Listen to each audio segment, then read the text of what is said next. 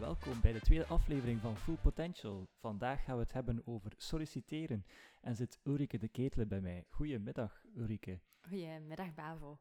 Jij gaat ons eh, een beetje wegwijs maken in de wereld van solliciteren en hoe alles een beetje in elkaar zit. Klopt. Dus eh, daarmee ga ik direct de eerste vraag stellen aan jou. Hoe start je zo best een zoektocht naar een nieuwe job? Op zich zijn er heel wat manieren waarop dat je de zoektocht naar een nieuwe job kan aanvatten. Eh, een aantal van die manieren zijn iets passiever, een aantal manieren ook iets actiever. Maar in de eerste plaats, als je beslist om op zoek te gaan naar een nieuwe uitdaging, dan laat je dat eigenlijk best weten aan jouw eigen netwerk. Misschien zijn er wel opportuniteiten binnen jouw eigen netwerk die interessant kunnen zijn voor jou. Maar je kan ook vrij eenvoudig jezelf eigenlijk openstellen voor, voor nieuwe mogelijkheden op LinkedIn. En dan bied je recruiters eigenlijk de kans om jou heel eenvoudig te gaan benaderen. En uh, als je zo openzet op LinkedIn, hoe zien de recruiters dat dan juist? Uh?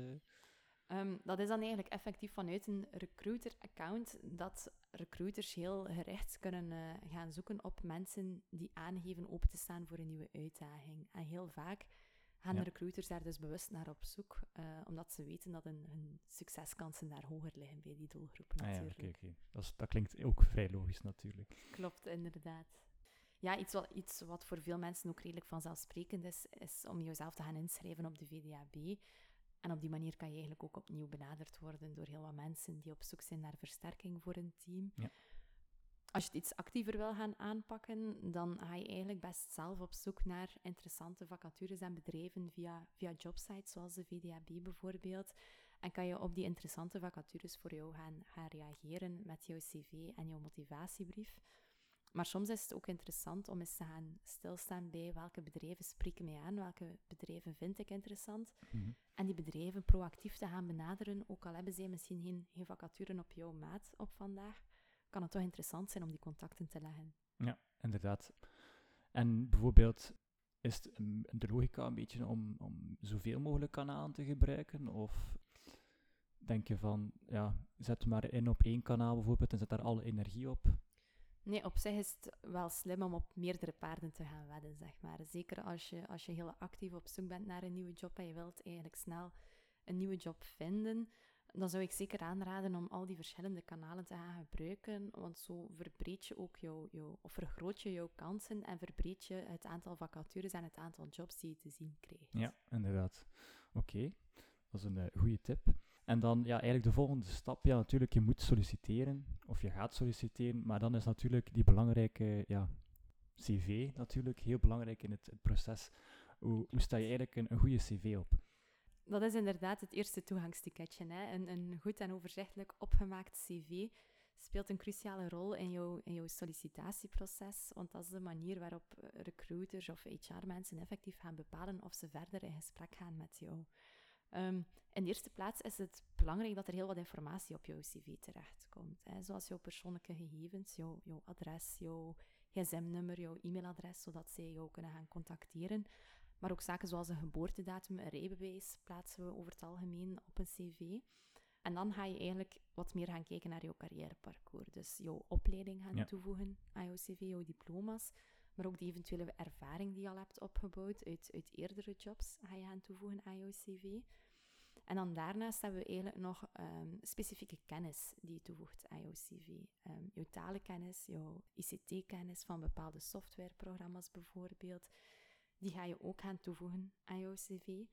En om het ietsje persoonlijker te maken, worden heel vaak eigenlijk ook een aantal zaken zoals hobby's toegevoegd. Ja. Dat is toch belangrijk, Allee, om zoiets persoonlijks toe te voegen aan een cv. Ja, het zorgt er wel voor dat er een, een, een persoonlijker gevoel gecreëerd wordt en, en dat een afstand al, alvast een beetje ge- verkleind wordt. Iets wat we de laatste jaren ook heel vaak zien, is een, een kort tekstje eigenlijk bovenaan op een cv, een soort van profielschets, waarin dat je heel kort gaat gaan meegeven wie dat je bent als persoon, maar ook welke richting dat je graag uit wilt naar de toekomst. toe. Ja, oké. Misschien een ander element, wat dat we heel vaak, of een vraag die wij regelmatig krijgen, is: eh, moet ik referenties opnemen op mijn CV? Ja. En dat is iets eigenlijk wat niet per se hoeft.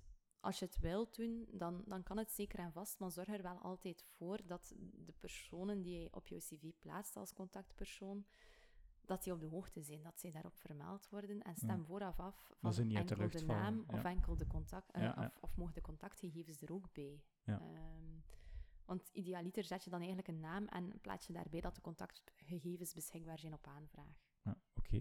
En ja, iets wat mij ook zo een beetje binnenschiet is ja, een e-mailadres. Allee, ik heb al vaak gehoord dat sommige mensen een, een verkeerd e-mailadres nemen. Wat is zo, of ja, een e-mailadres van vroeger als ze, als ze nog ja, jong waren. Wat is daar zo'n beetje de regel om, om te doen? op zich, een, een neutraal e-mailadres dat bestaat meestal uit jouw, jouw, jouw voornaam, jouw familienaam, eventueel een cijfer erbij, omdat het e-mailadres al ingenomen kan zijn. En als dat dan een, een Gmail-e-mailadres of een Hotmail-e-mailadres is, ja. dat maakt op zich niet zo heel veel uit. Maar sommige mensen hebben inderdaad een een e-mailadres um, in het genre dolfijntje zonnetje als hotmail.com. en, en, dat toch natuurlijk ietsje minder professioneel op een cv. Oké. Ehm, en als je ja, eigenlijk geen ervaring hebt, wat zet je dan op je cv? Want dat is soms wel moeilijk, bijvoorbeeld voor mensen die dan ja, van school komen of zo, die hebben al die diploma op zak. Of ja, wat doe je dan het beste op je cv? Wat kan je dan invullen? Uh? Ja, herkenbare vraag inderdaad. Nu, um, sowieso hebben we al heel wat andere elementen aangehaald hè, die op een cv thuis horen. Mm Persoonlijke gegevens, jouw opleiding, jouw, jouw talenkennis, ICT-kennis en dergelijke. Maar ook mensen die eigenlijk geen, geen concrete eerste werkervaring hebben in de zin van een eerste vaste job, hebben heel vaak wel ervaring opgedaan dankzij studentenjobs of dankzij stages. Ja. En aan het begin van jouw carrière is het zeker ook relevant om die mee te nemen op jouw cv. Let natuurlijk wel op dat dat geen waslijst wordt van tien verschillende studentenjobs in de horeca. Ja. Dan ga je ze beter gaan bundelen en plaats je bijvoorbeeld beter op jouw cv van 2017 tot 2021 verschillende studentenjobs in de horeca. Ja. In de plaats van specifiek... Ja, elk restaurant of zo. Ja, ja, voilà. ja exact. exact. En bijvoorbeeld ook um, ja, bij jeugdbewegingen of zo, kan dat ook een, een voordeel zijn? Bijvoorbeeld dat je leider bent geweest? Of, Zeker. Uh, Inderdaad, dat is iets wat we dan inderdaad eerder um, onder de, de categorie varia situeren, hè, bij die hobby's. Um, maar mensen die zich geëngageerd hebben in een jeugdbeweging, in een studentenvereniging, dat vertelt ook wat over bijkomende vaardigheden, over sociale vaardigheden, over het samenwerken in een team. En dat is zeker iets wat, uh, wat relevant is om op te nemen in een cv. Oké. Okay. Super, dat is duidelijk. Ik heb misschien nog een paar kleine Ja, zeg maar zeker. Eh. daarnaast. Hè. Wat wij ook als vuistregel nemen is om bij voorkeur alles op één bladzijde te krijgen. Ja. Zeker voor mensen die rechtstreeks van de schoolbanken komen. Probeer alles op één bladzijde te houden, want dat zorgt er ook voor dat het overzichtelijk blijft. En um, één bladzijde, is dat recto verso? Of? Nee, één zijde van een blad, effectief. Ja, okay, okay, ja. um, mensen met iets meer ervaring, um, dan, dan zijn twee bladzijden zeker ook. Ja, is, maar dan geen pagina, lange pagina's. recto verso. Maar effectief inderdaad, cv's van tien pagina's lang die worden meestal toch niet aandachtig doorgenomen door de recruiters. Eigenlijk de, de gemiddelde tijd die naar een cv wordt gekeken in de eerste plaats, alvorens te beslissen of de cv op het stapeltje verder te bekeken of niet verder te bekeken belandt, is eigenlijk maar zes seconden. Ja, Oei, dat is um, niet zo lang inderdaad. Voilà, hè, dan is het wel belangrijk dat je zorgt dat de elementen die er moeten uitspringen ook effectief duidelijk naar voren komen in je ja. cv. Um, een, een goede layout kan daar ook bij helpen, natuurlijk. Hè. Daar zijn een aantal handige tools voor, zoals bijvoorbeeld Canva. Ja. Um, het zijn gratis tools die wel kunnen zorgen dat je een, een professionele layout voor jouw cv kan gaan creëren. En bijvoorbeeld, om een beetje terug te keren naar het cv dan, dat ben ik vergeten te vragen, is uh, de foto, uh, hoe ga je daar dan mee om? Is dat ja, ja. professioneel opstaan of ja, moet ook een, ja, iets... Uh, moet ik het zeggen, ja. vlottere foto op staan? De eerste vraag is misschien al, um, is een foto noodzakelijk op een cv? Um, dat is een goede vraag. Ehm, dat is op zich niet zo, maar door een foto op jouw cv te plaatsen, creëer je wel opnieuw uh, die persoonlijke touch. Ja. En het... het menselijke zo'n beetje. Voilà, ja. inderdaad. En op het moment dat je dan effectief zou uitgenodigd worden op een gesprek bij een firma, dan gaat er eigenlijk een, een moment van herkenning zijn als jullie elkaar ontmoeten, wat dat een zeker vertrouwen creëert. Stel dat er geen foto um, op jouw cv staat, dan, uh, dan kleven mensen al heel snel een bepaald gezicht op mm -hmm. jouw profiel. Als dat dan niet overeenkomt um, ja. bij een eerste gesprek, dan kan dat al wat verwarring creëren van in het begin. Maar effectief, als er een foto op het cv geplaatst wordt, zorg dan wel dat dat een, een professionele foto is. Ja. En, en geen vakantiefoto van op het strand, um, maar eerder een foto met een, een neutrale achtergrond met ook gepaste kledij, niet in een, in een, in een zomertopje, maar, maar, maar iets ja, wat vrij bedekt is, toch ook om het zo te zeggen. Ja, ja oké. Okay. Dus eigenlijk gewoon een, een formele foto eigenlijk is Ja. nog altijd het beste. De foto die je op Ja. jouw LinkedIn-profiel zou Ja, plaatsen, zeg maar. Dat is mooi gezegd. Ehm, Oké, en stel dan, ja, alles is in orde, cv is goed, ehm, je krijgt een telefoontje, je gaat op Mhm. gesprek. Super. En ja, dat is inderdaad super. Eh, en je bent bezig in het gesprek, dan is misschien ook wel een beetje, ja, een beetje uit te springen, ook wel belangrijk om zelf een paar ja, vragen te gaan stellen tijdens dat gesprek.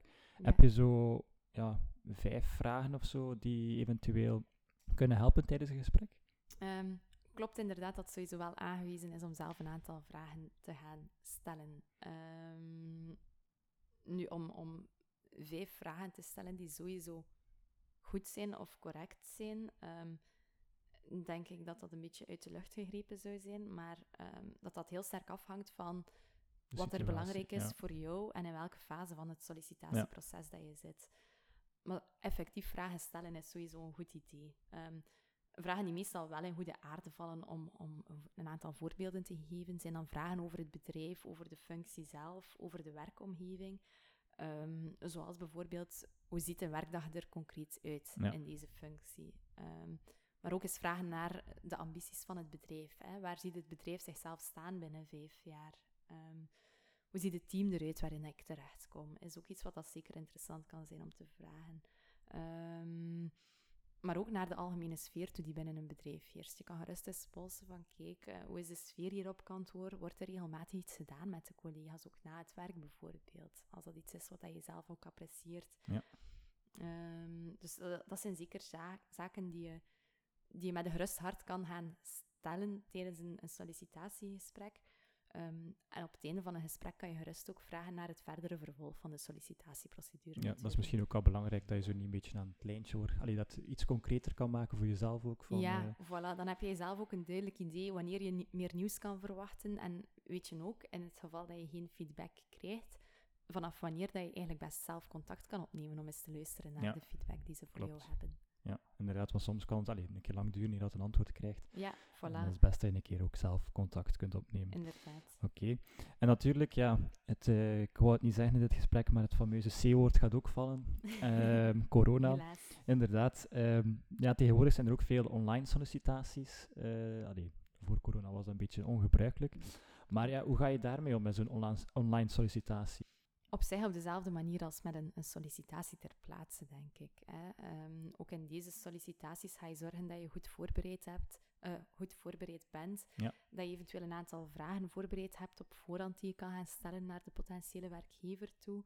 Ehm, zorg je ook voor een professionele kledij. Hè. Eh, er zijn heel wat mensen die denken van oké, ik kan die online sollicitatie thuis vanuit mijn, mijn zetel in mijn huispak doen. Ja. Dat is niet de bedoeling. Voor een online sollicitatie is het ook wel degelijk de bedoeling dat je professioneel gekleed bent. Ja, dat is niet zoals eh, Bart de Wever in je onderbroek eigenlijk. Voor de Voilà. webcam zitten, eh. voilà, inderdaad, dat we zo'n situaties gaan Ja, vermijden, effectief. Ehm, maar dan denk ik, naar de praktische kant toe is het vooral een kwestie van vooraf een keer te testen of jouw camera werkt, of de link werkt, of jouw geluid werkt. Ja. Zodat je jezelf die stress kan gaan besparen op het moment zelf. En ook om jouw huisgenoten op voorhand te gaan informeren. Hè? Dat je laat weten van, kijk, op dat moment heb ik een sollicitatiegesprek, ik zal me in die kamer bevinden. Probeer mij niet te storen, want anders raak je natuurlijk zelf heel snel afgeleid. Dat is waar. wat Als er zo aan iemand mensen- eh, binnenspringt eh, terwijl je bezig bent, sollicitatie. Voilà, dat, eh, ja, dan voel je je meestal ook niet eh, 100% comfortabel. Nee, dat klopt, dat klopt. Oké. En ja, hoe weet je dan eigenlijk hoe dat een sollicitatiegesprek eigenlijk goed is? Ja, dat is een vraag waar dat er natuurlijk geen, geen pasklaar antwoord op is. Hè. Maar er zijn wel een aantal, sollicita- eh, een aantal signalen Ja. die, die wijzen op een positief sollicitatiegesprek. We hebben het daarnet gehad over zelf vragen stellen tijdens een gesprek. Hè. Als een gesprek evenwichtig was, als het in twee richtingen heen en weer ging, dan is dat meestal wel een indicator van een positief gesprek of een goed teken. Anderzijds ook als je voelt dat een een recruiter of jouw gesprekspartner eigenlijk heel veel vragen gaat gaan Ja. stellen naar jou toe. Als zij gaat gaan, gaan doorvragen op bepaalde zaken die je vertelt of, of inpikt op bepaalde informatie. Dan doet Dan- dat ja, een beetje een interesse Voilà, dat ja. getuigt inderdaad Ja. van een interesse van hun kant. Als het eerder oppervlakkig blijft langs een andere kant, hè, als je voelt van oké, die persoon is hier puur zijn vragenlijstje aan het afgaan, dan kan dat eerder een negatief signaal zijn. Oké.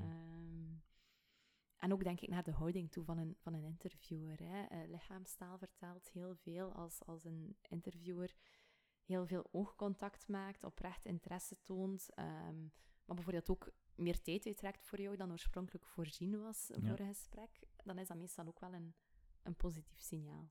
Of misschien ook soms, allee, dat ik het in het verleden al heb meegemaakt, dat ze een Mhm. keer het bedrijf al beginnen rondtonen uh, nu, als Ja. je daar ter plaatse zit. Kan ook wel een heel goed signaal zijn van... Uh, ja, inderdaad. Ja. Dat is effectief het ideale. Hè? Als jouw gesprek wordt afgesloten met een rondleiding in de firma en, en er wordt getoond van, kijk, dit zijn de collega's. En, en aan die collega's wordt ook gezegd van, kijk, we zijn eens uh, Bavo aan het, aan het rondleiden. Ja. Bavo komt hier solliciteren voor functie X ja, dan, dan is het teken dat zij toch al de moeite vinden om jou te introduceren bij de collega's zeker een heel positief teken. Ja, zeker.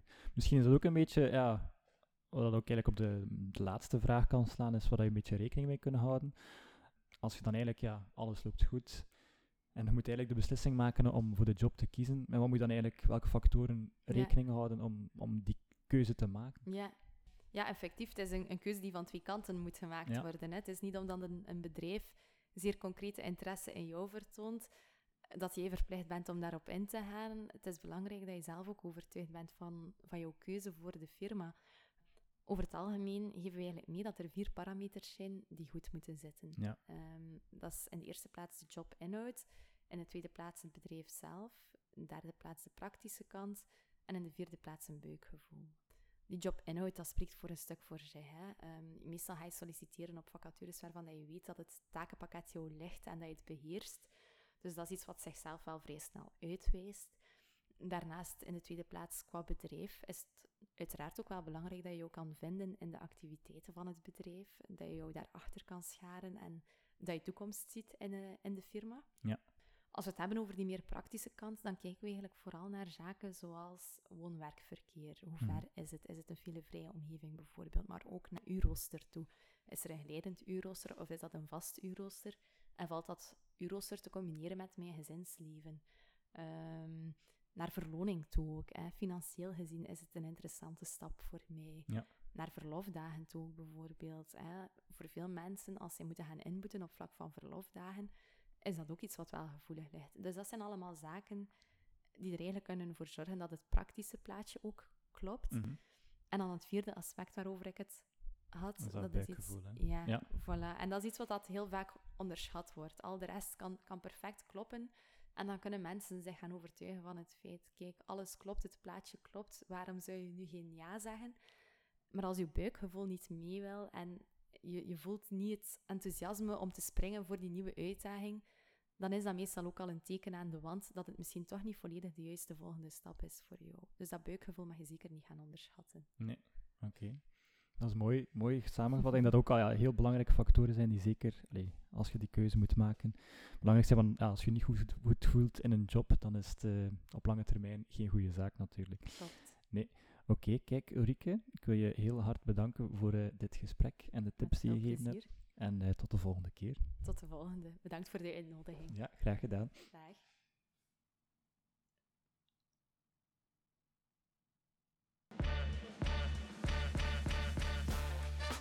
Wil je nog meer boeiende gesprekken beluisteren? Je kan alle afleveringen van Full Potential terugvinden op jouw favoriete podcastkanaal of via brightpotentials.be. Tot de volgende.